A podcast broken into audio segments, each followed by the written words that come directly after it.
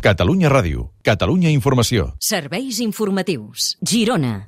Al nord de la Costa Brava han detectat una alta mortalitat d'ostres i altres moluscos. Els investigadors estan sorpresos i preocupats perquè és una situació que abans només s'havia vist a finals d'estiu i més al sud i si bé encara no hi ha estudis científics que ho confirmin, ho atribueixen a l'augment de les temperatures.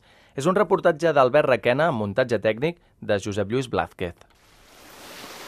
Va ser a principis de juliol quan membres de l'Associació d'Amics del Parc del Cap de Creus van observar una gran mortalitat del molusc Arcanoae, conegut popularment com a caixetes o peus de cabrit, de llançar al port de la selva.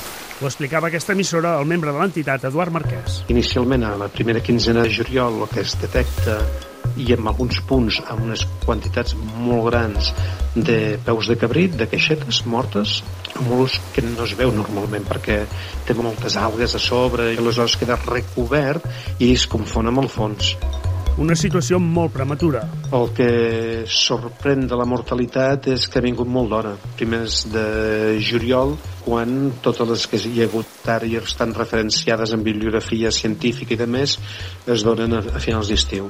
Tot i que encara no hi ha estudis científics que ho confirmin, s'apunta com a causant d'aquesta mort la presència de virus o bacteris afavorits per l'augment de les temperatures. Podria ser el cas de que fos un protozou, un animal celular que infectés les ostres eh, o els peus de cabrit i, i els hi provoqués la mort, o també s'han donat infeccions de virus no? I, i algun bacteri. Això no ho sabem, s'hauria de recollir mostres i veure si és així. Eduard Marquès afegeix que ara els amics del Parc Natural del Cap de Creus i el mateix parc volen comprovar si hi ha supervivència d'aquestes espècies a la zona d'inici d'aquestes infeccions.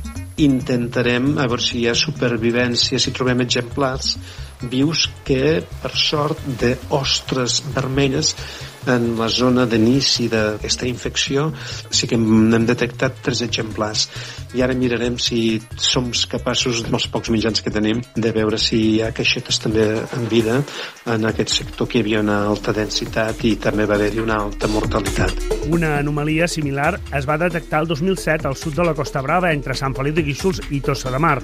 També el 2005 es va detectar una mortalitat similar a les illes Colombretes del País Valencià, on d'una colònia de 720 ostres vermelles, a finals d'aquell estiu només en van sobreviure 5 exemplars.